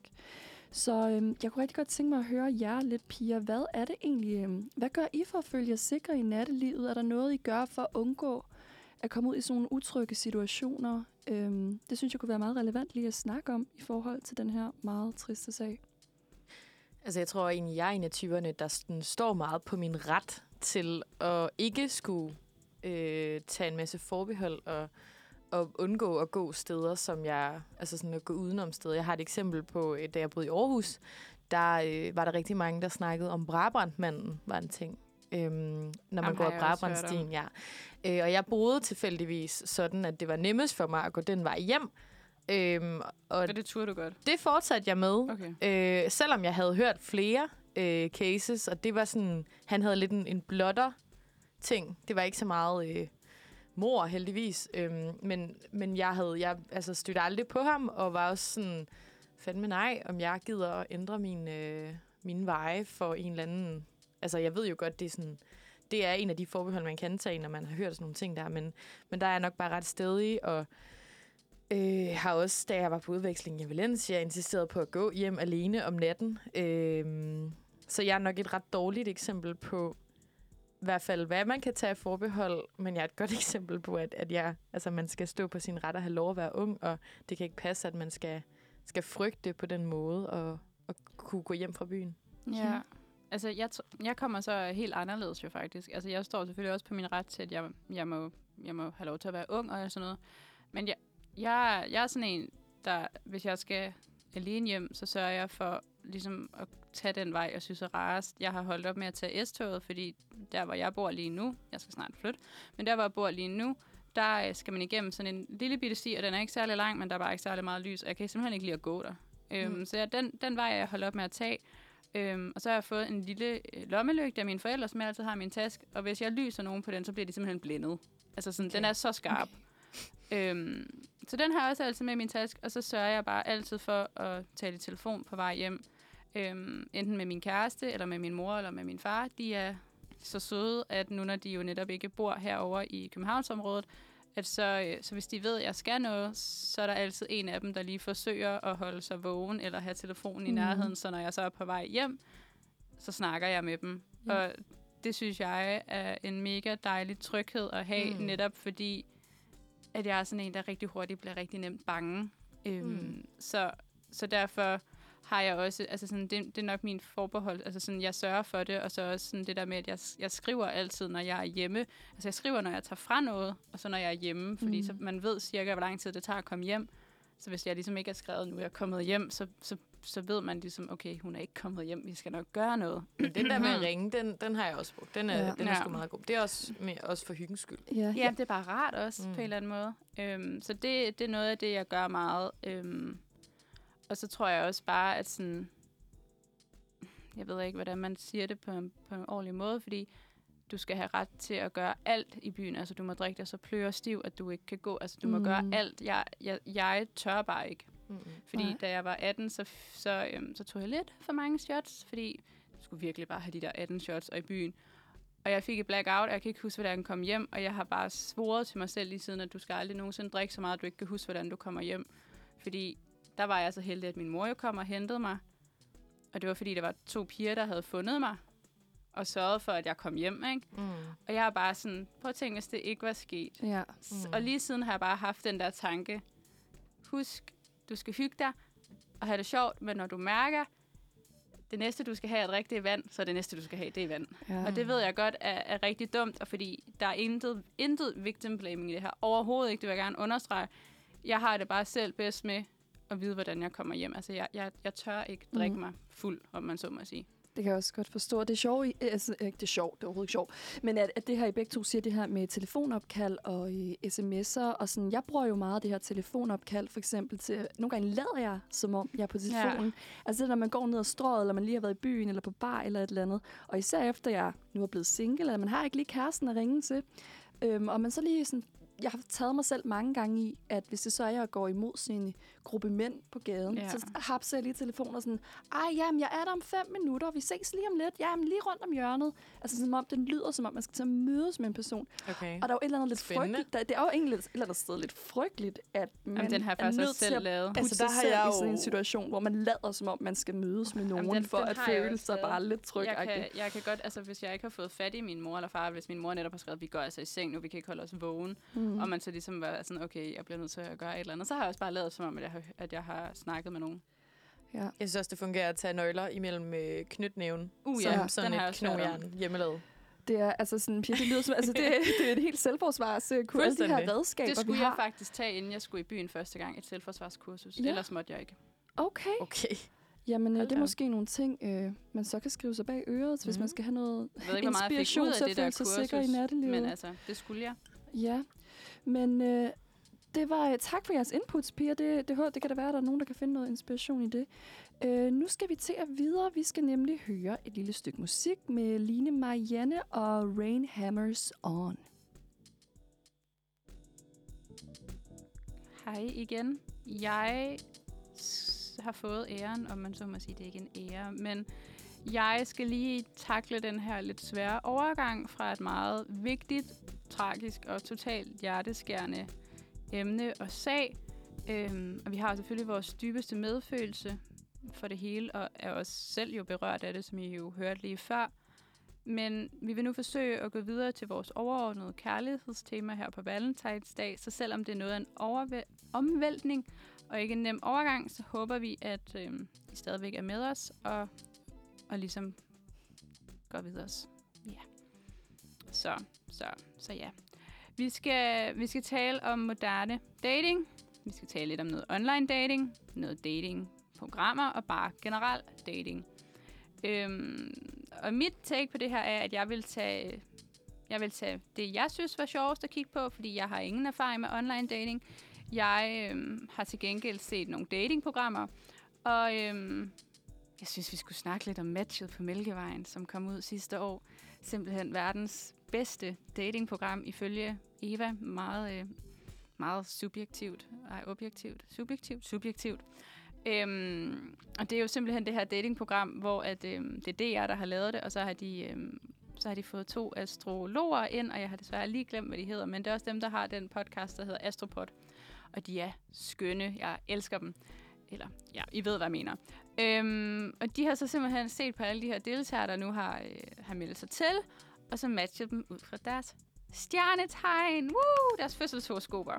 Så de har simpelthen været inde og se på, hvad du er i dit soltegn, hvad du er i dit månetegn, og så din ascendant, og så også alt det andet, som jeg ikke har styr på. Det er lidt nørdet. Meget nørdet, ja. lige præcis. Og jeg synes bare, det er skønt, og selvom at der ikke var nogen af parerne fra sidste sæson, der blev sammen, så er jeg kæmpe fan.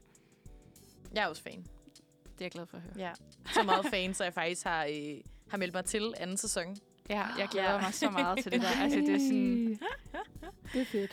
Ja, nu må vi se. Øh, jeg synes, det interessante øh, ved, ved, ved, ved en sæson 2 af sådan nogle typer programmer her, er jo for det Nu meste... kender at- vi konceptet. Præcis, folk de kender konceptet, så det kræver også... Altså, de spørger en, hvad er dit forhold til astrologi? Fordi, Hvad sagde du så?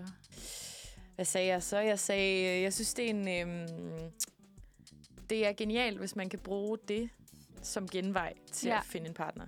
Ligesom man bruger alle mulige andre parametre. Altså, Ja. ja. Fordi min kæreste, han er jo sådan lidt...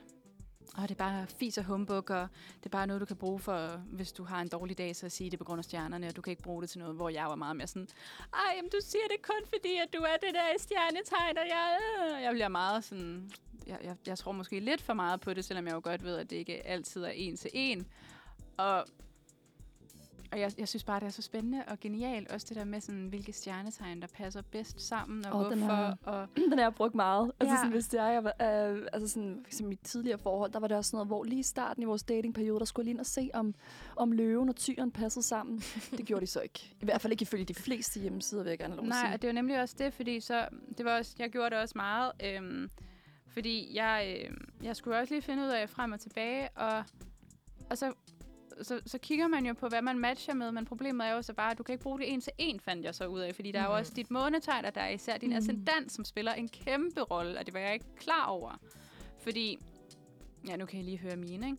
Men jeg er jo skorpion Mm. i soltegn. Og så er jeg Aris i måne, og så er jeg Dalen Dulme Gemini i ascendant. Og det er jo Gemini og Skorpion, det er jo de to worst people, du kan overhovedet sætte sammen. Altså sådan, de kan slet ikke med hinanden. Og det er så bare kommet ind i mig som mine tre, to største, ud over lige Aris. Ikke? Og jeg synes bare, sådan, generelt synes jeg, det var sådan lidt underligt, når man netop læser, at de jo for eksempel slet ikke kan med hinanden i virkeligheden.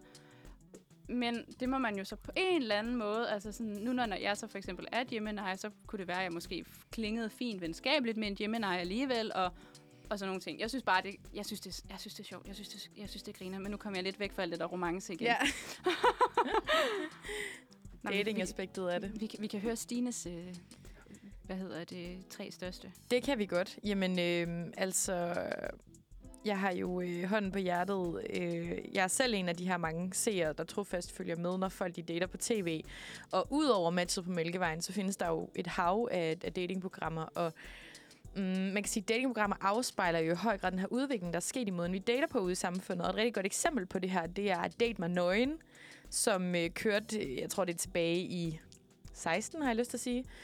øh, som jo viser den her, sådan, tapper meget ind i den samfunds opmærksomhed på kroppen, og det at afmystificere og dyrke den her meget naturlige krop, øh, og kropsbilledet frem for det lidt mere glamourøse. Og altså, jeg synes faktisk, øh, lige med Date med Nøgen, der havde jeg det ret øh, grineren over det som koncept. Jeg synes, det er sjovt. Altså, både, det. har I set det på tysk, for eksempel? Det er også lidt sjovt. Jeg har set det på UK. Ja, Ja, UK UK version. siger jeg jeg. har også set den på UK version. Ja. UK version, ja. Og Jamen, Ibi Støving, hun var jo også... Øh, jeg nu ved jeg godt, jeg hopper igen. Men altså, Ibi Støving, hun var jo... Øh, hun var med til Zulu Award- sidste år, Nå, hvor hun ja, jo kom det nøgen ned på scenen sammen med alle de rigtigt. der Det er mennesker, rigtigt. der havde været Ja. med. Og jeg var bare sådan... Det er så sejt. Det var det var fedt. så sejt. Ja, men det er sjovt, fordi jeg tænkte nemlig, da de viste det i Danmark, Danmark er for lille et land til sådan et program. Til date med nøgen. For det er jo sådan noget med, ah, så, ah det er min øh, nabos øh, søn, eller et eller andet. Altså sådan, så kunne man sidde og kigge det, det på den måde. bekendte, kendte. Øh, og jeg synes egentlig, at før vi lige dykker endnu mere ned i typen af datingprogrammer, og måske snakker lidt, øh, lidt mere om det, så synes jeg lige, vi skal have en sang på. Og, øh, og her, der tager vi altså øh, den sang, der hedder Generation. Øhm, og det er altså en imponerende vokal, som fortæller en historie om ikke at kunne spejle sig i sin egen generation. Også lidt et interessant take. Det er altså Laura Siana, der kommer her med generationen. Yes, og så er vi tilbage, og vi skal snakke endnu mere om dating og datingprogrammer, fordi hvis der er noget, jeg ansøger for, så er det folk, der dater på tv. Øhm, men ja, vi etablerede lige før, at øh, der var med til Mælkevejen Udover det. Så findes der også en masse andre programmer, og de her programmer, de følger samfundets udvikling. Det kan vi se. Vi startede tilbage med et program, der hedder Knald eller Fald. Jeg tvivler på, at nogle af os herinde har sådan rigtig kendskab til det. Det var et program, der blev lavet i 96, hvor en masse kvinder sådan skulle stå kunne, øh, kunne vælge mellem, eller en kvinde kunne vælge mellem tre mænd, der sådan Det skulle lyder bare som dagens mand. kurtisere. Ja, men næsten. Fordi Dagens Mand blev lavet i 06, og var lidt mere reality show, og ja, blev meget forbundet med Pelle Vingård. Det gør jeg i hvert fald selv. Og så er vi jo helt op ved øh, Bachelor. Også en rimelig gammel koncept, men som først blev sendt og købt i Danmark her for et par år, eller et år siden. Øhm, til sådan noget sans for kærlighed, hvor det handler om at finde kærlighed gennem sensorerne. Hvor man kan bruge sensorerne, ja. Øh, men jeg har faktisk taget en liste med, med 13 delprogrammer, Så jeg vil rigtig gerne høre, om jeres favoritter med på den her liste. Øh, så nu nævner jeg dem bare i vilkårlig rækkefølge. Det er som udgangspunkt de danske formater, det her. Vi har Gift ved første blik. Vi har Matchet på Mælkevejen. Så er der Landmand søger kærlighed. Bachelor. Date min værste side. Mit hemmelige match. Alene sammen, som også kører lige nu. Kærlighed var kravende venner. Lidt landligt. Øhm, date mig nøgen. Koden til kærlighed. Billet til kærlighed. Og så kom jeg lige til at tænke på, mm, for lækker til love. Lidt en gråzone. Ved ikke rigtig, om det tæller. Men den er meget sjov at have med. Øhm, og i, altså, hvor mange, altså er det noget, I ser, piger? Hvor mange programmer af det, jeg lige nævnte, har I set? Mm, på tasken. Mælkevejen.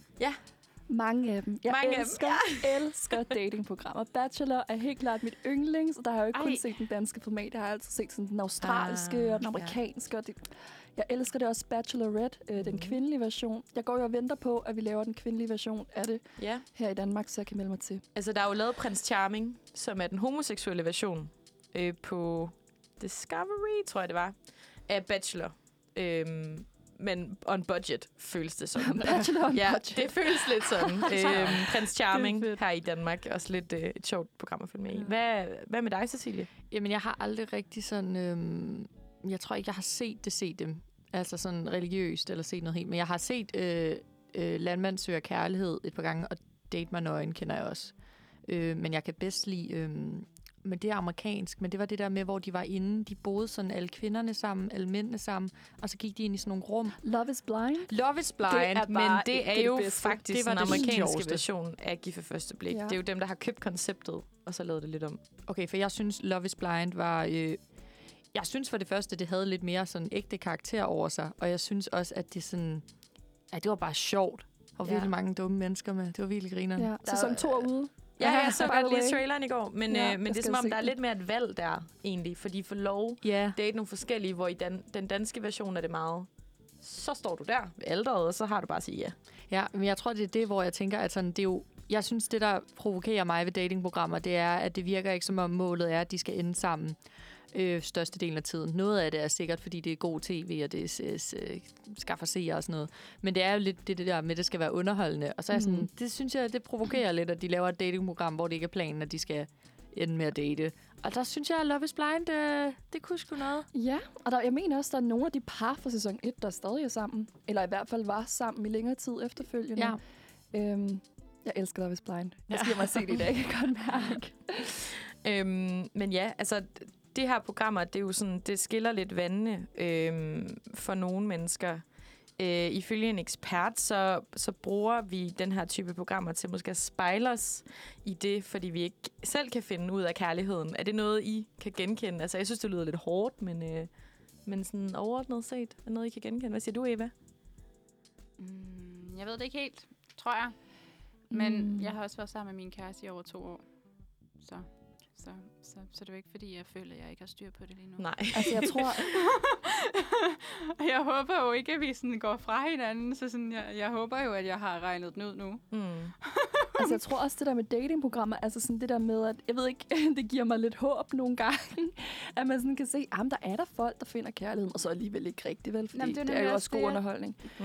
Det er jo Men, nemlig øh, det, fordi sådan, ja, noget af det er jo netop også det der med, der blev sagt, jeg tror det var Cecilie, der sagde det der med, at det, sådan, det virker ikke til, at de sådan bliver sat op til at skulle blive sammen. Mm. Nej. Jeg tror ikke, jeg har set et datingprogram, hvor det sådan er lykkedes, at de sådan er blevet gift og har fået børn og sådan noget. Jeg tror, der er nogle landmænd, der har Der er søgt kærlighed, landmænd. der har fået Ja. et. Ja, det er faktisk, øh, der er, Der er- der, der er er fem nogle par, par. tror jeg, i løbet Ja. af alle de sæsoner, der er, som så Ja, ja, okay, det med er at blive sammen og føde børn. Så det, det er sådan måske det program, det, var det ikke også det, Cecilia, din mor havde sagt et eller andet med, at det var det, du skulle melde dig til? Eller Nå, eller andet? jo, men det er fordi, øh, jamen, sidehistorie, jeg vil meget gerne eje en gård. Og så sagde Ej. hun, det var da hurtigt bare lige at melde sig til Landmand søger kærlighed.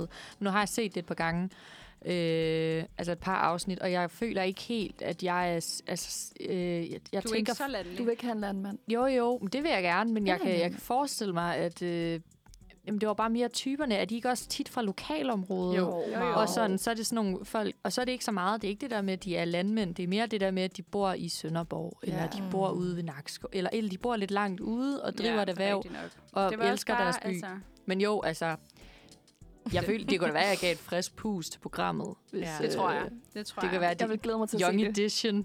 Fald. Så er jeg bare med, fordi jeg gerne vil have en gård. Ja, jeg ved ikke helt, Ej, men det holder. var også bare for ligesom at sige, at sådan, det er måske det program, der har fået succes med kærlighed. Og så hvis man endelig skulle være med i det, og så gerne vil have en gård, så var det jo oplagt. Man kan Ja. sige, der er meget, der taler for, at jeg melder mig til lige nu. Kan Det er jeg en win-win situation.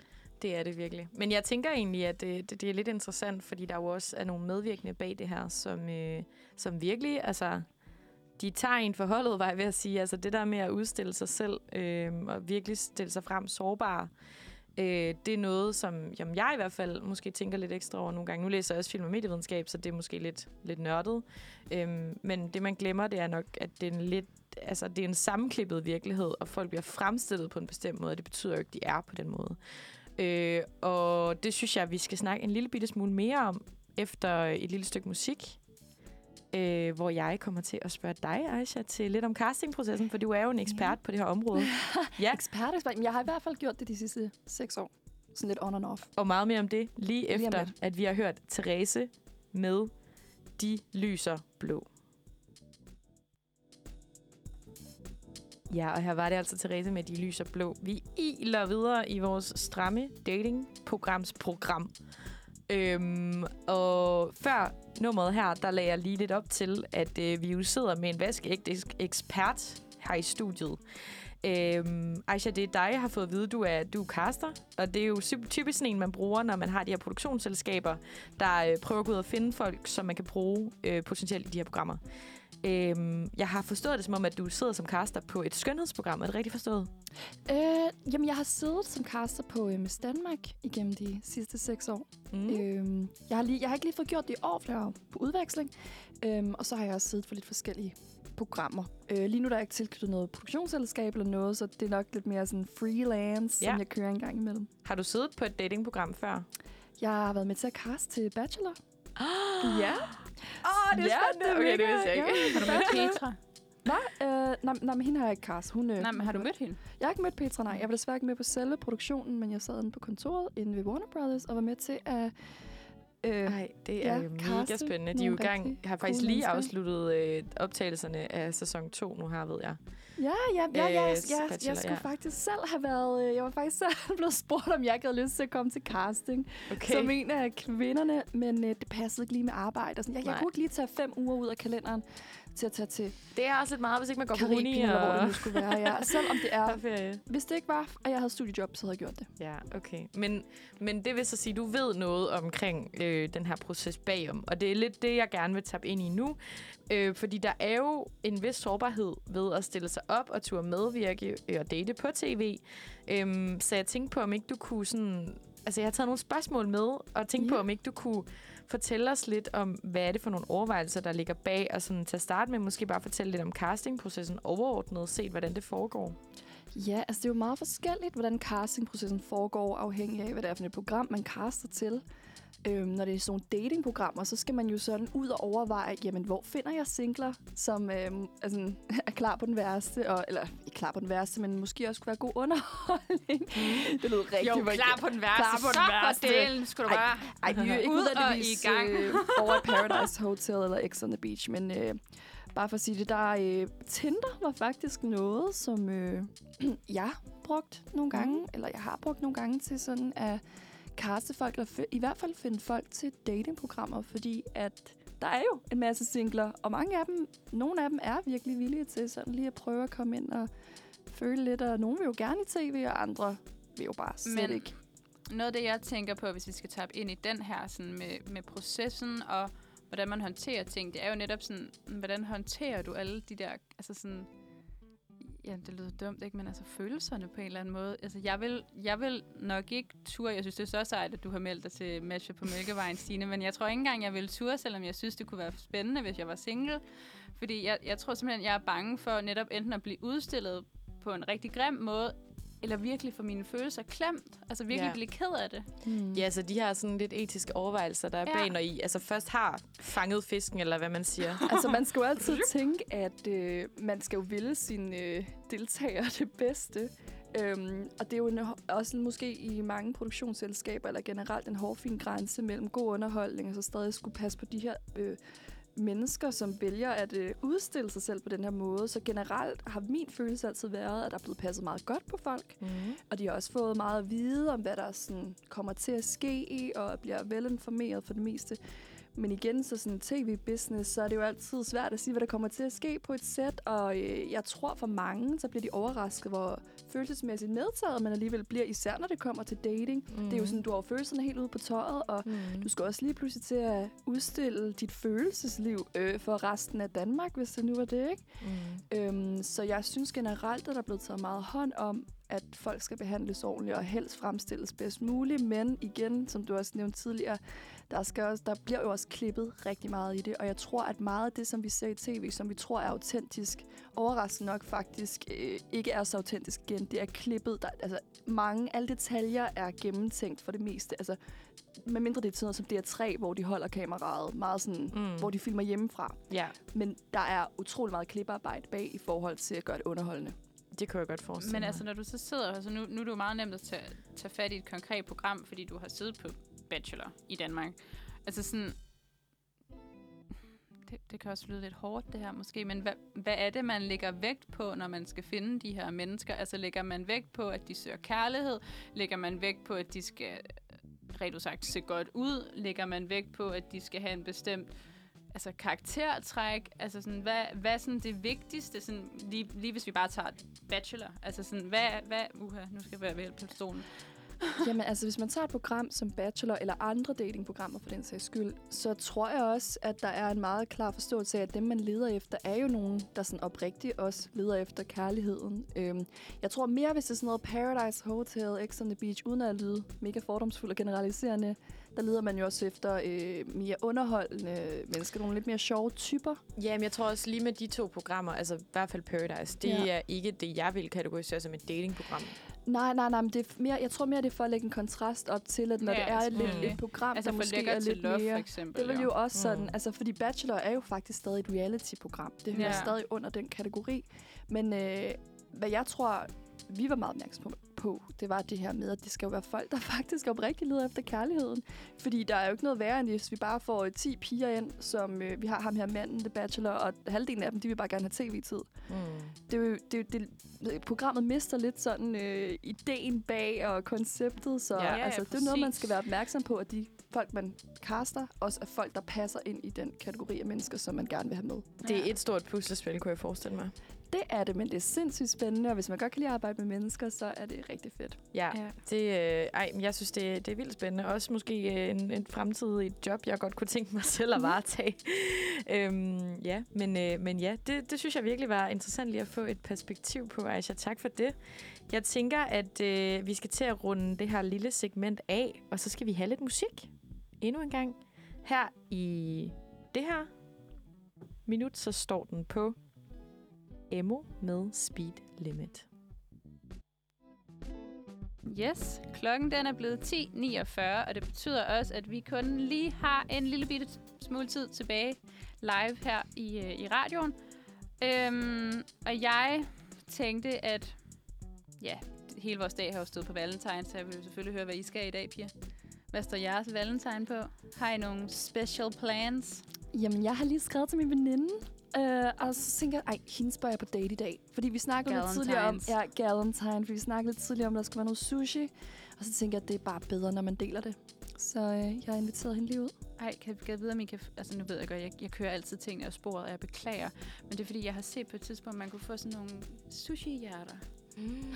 Altså få okay. den der emballage i et hjerte. Og jeg ved ikke, om det er noget, vi gør i Danmark, men jeg har bare set det på film, og synes, det så så nuttet ud. Det kan man 100% få. Og med sushi, der har jeg bare lyst til at sige, det koster sgu, øh, det koster sgu knaster at spise sushi, så jeg kan lige så godt tage på all you can eat, selvom det er super jysk at være Ej, sådan. jeg elsker all you can Ej, eat. men der er en god en i København. Altså, i Sumi. Ej, det er den, jeg skal på. Ja, der er all you can eat, og det er det bedste, min kæreste og jeg Hvor er ligger der den alt for tidligt. Men der, Er der, en der er både en på Frederiksberg og en på Østerbro. Det er fantastisk. Jeg, er- jeg er det for det meste på den på Frederiksberg. Det kunne være, at man skulle bestille bord. Det Ja, det, Gud, ja, ja, det det, tror være. jeg vil være en god idé, hvis vi lige gør til det, piger. hende. Vi skal bestille bord i dag. Ej, Nej, men altså i derinde, det er. Ej, du ses. Ej, sjovt. i Ej, det Sumi så er legit, det, nu ved jeg godt, nu kører vi totalt sushi-bashing, altså, men i Sumi, det er virkelig, virkelig lækkert. Vi skal selvfølgelig ikke sidde og reklamere i radioen, fordi vi, så vi siger ikke, hvad tingene koster, men, men det er dejligt. Mm, mums. Men ja, øhm, det er, jeg har tro kopi af det der. Jeg skal godt nok lige øh, have klaret nogle praktiske ting lige i skole øh, til klokken 18, og lige til volleyball, og så er jeg klar klokken 19.30 til sushi.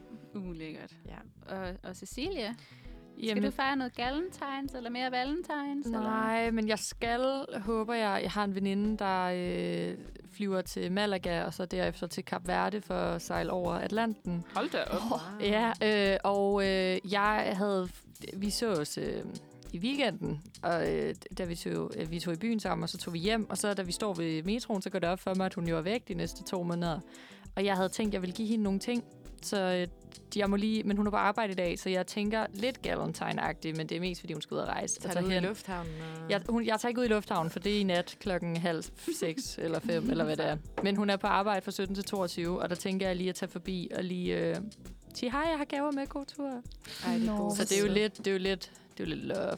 Men det, Det er er, det er bare, fordi hun skal ud og rejse, ja. Hvad skal du, Eva? Du, Jamen, det er jo dig med Du skulle have kæreste. lavet middag.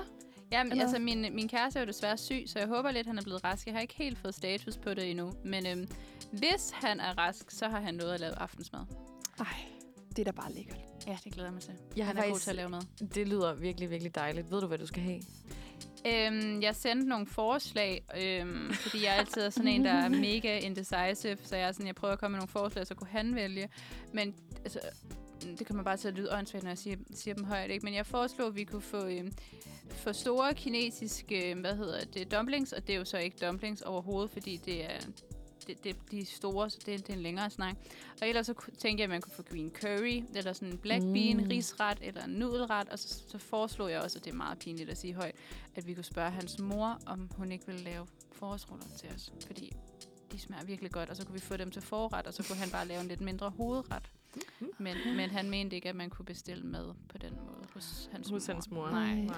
Og jeg kan også godt lidt forstå det. Det var bare, de smager simpelthen så godt. Det er jeg sjovt. har faktisk... Ja. Oh, nej. Nej, nej, nej, ja. det du kan bare sige. nej, men det, det, er lige, det er lige et sidespor, så jeg vil gerne gemme det. Men hvad vil du sige, Aisha? Nej, men det er bare, jeg synes bare, det var sjovt, hvordan at valentinsdag var sådan Asian cuisine, hvordan vi er sådan lidt på sushi, noget Ja. forårsruller, noget grøn kaj, og sådan, det, Ja. det er Altså, bare altså grunden til, at min, min er på den måde, det er jo fordi min kæreste, han er halv svensker og halv kineser. Ah, okay. Jamen, jeg tænkte, det kunne godt være, der var sådan et tema valentinsdag. Ja, det, bare... altså, det, det er et godt tema. Asiatisk mad er fantastisk. Ja, det det, var bare lige for at disclaim, at sådan, det er fordi, han er virkelig god Ah, til at lave de er der ting. Okay. Og Jeg hans tænker- mor er jo så helt kineser, så hun er også fantastisk til sådan noget. Ej, det er lækkert. Jeg tænkte sådan på, det var sådan rent hypotetisk, fordi jeg havde egentlig sat en Tinder-date op i dag, men, Uh, øhm, ej. men, men bakket lidt ud i sidste øjeblik, da jeg fandt ud af, at det var valentinsdag. og så også fordi, Måske at, for at jeg ligesom måske. skal til volleyball, faktisk. Det er ikke engang løgn. Det er det, jeg har sagt, og det er ikke løgn. Øh, men det var ligesom min årsag til at udskyde aftalen. Mm. Øh, men jeg blev sådan lidt, mm, det er valentines, og det synes jeg blev lidt underligt lige pludselig. Jeg ved ikke, hvad, hvordan... Det var nummer to date godt nok, men Jeg, altså, jeg kan godt følge dig. Jeg tror ikke, jeg vil gå altså have en valentine med en, jeg ikke havde set sådan rigtigt på den måde. Altså sådan, jeg ved godt, at det ville være date nummer to, men sådan inde i mit hoved, så tror jeg, at sådan, nu fejrer jeg ikke rigtig valentines vel, men hvis jeg skulle fejre valentine sådan big and mm. og stort, så tror jeg altså ikke, at jeg vil gøre det med en, jeg ikke havde sådan virkelig intens datet i lang tid. Men det her var jo ikke med altså, velvidende, at nu, nu er det valentines. Det var sådan, fuck. Nej, men det er nemlig det, Er det så, for altså, jeg, meget? så derfor kan jeg kan Ja. godt forstå, at du aflyste, fordi jeg tror, jeg vil være sådan helt, ej gud, lægger man for meget i det nu, når det er valentine? Præcis. Altså, jeg, jeg er jo håbløs romantiker, så jeg vil jo godt kunne finde på at tage på sådan en første Tinder-date på Valentines, og så bare sådan håbe på, at vi så blev gift inden for de næste to år eller sådan noget. Men altså, det, det øh, ja, men det er jo en helt anden historie. Men ja, mm, det kunne jeg godt finde på måske. Okay, sejt. Men øh, ja, jeg tror, der er lidt nogle forventninger der, som, øh, som jeg ikke helt turde gå ind i. 100 procent. Jeg vil så lige sige i forhold til, nu har vi jo snakket om datingprogrammer og Valentines historie, og det at være single på Valentines og sådan noget helt generelt. Og øh, i forhold til at tage det her forventningspres af ens datingsliv, hvis man sidder derude som single og går på Tinder-dates, så har jeg et rigtig godt tip til, øh, til at afslutte på, som jeg lige vil dele med jer, tænkte jeg. Øhm, mm. Det vil nå her til sidst. Jeg øh, har haft det, der hedder en datepagt. Øh, simpelthen en, en aftale med nogle øh, studieveninder veninder om, at øh, en date i måneden skulle vi gå på. Øh, og hvis ikke man gjorde det, så skyldte man middag til de andre. Uh. Og, øh, og det gjorde simpelthen, at det tog sådan lidt et, et pres af det der med at føle, okay, men det her skal blive til noget. Så tog man ikke på date for, at der nødvendigvis skulle ske en masse, men man tog på date for ikke at give middag. og, det, og det ændrede bare hele gamet ind i mit hoved. Og det synes jeg bare, andre burde prøve. Lav en aftale med en god ven eller veninde og sige en date, måske to om måneden, hvis man er cool. Altså en, det er lige til at klare, vil jeg sige. Øh, og så, så se, hvordan det går, og se, om ikke det bliver sjovere at dele. Det synes jeg i hvert fald, at det har været. Tænker i hvert fald, det kan tage presset, mm. eller det er lidt akavet, hvis man, øh, hvis man synes, der er noget overvældende fra at gå fra at skrive på Tinder til at komme ud på baren og drikke mm. den der øl. Præcis. Jeg synes, det lyder rigtig smart. Jeg synes, det lyder lidt, lidt in, meget intimiderende, men øh, smart, smart projekt. Jeg kan, godt, jeg kan godt se, hvorfor det virker. Det kan Ja. jeg sagtens. Men øhm, jeg tænker, at, øhm, at på det lille tip og på den her total Valentine's Day, så, øhm, så vil vi runde af og sige tusind tak for, for i dag. Så tak, Pia. Selv Ja, tak. tusind Det var en tak. fornøjelse. Og så, øhm, så skal vi høre Loose Composure med H-T-O. H-2-O-P. Ja, mm. yes, det havde jeg ikke styr på. Så den kommer her. Fortsæt god mandag.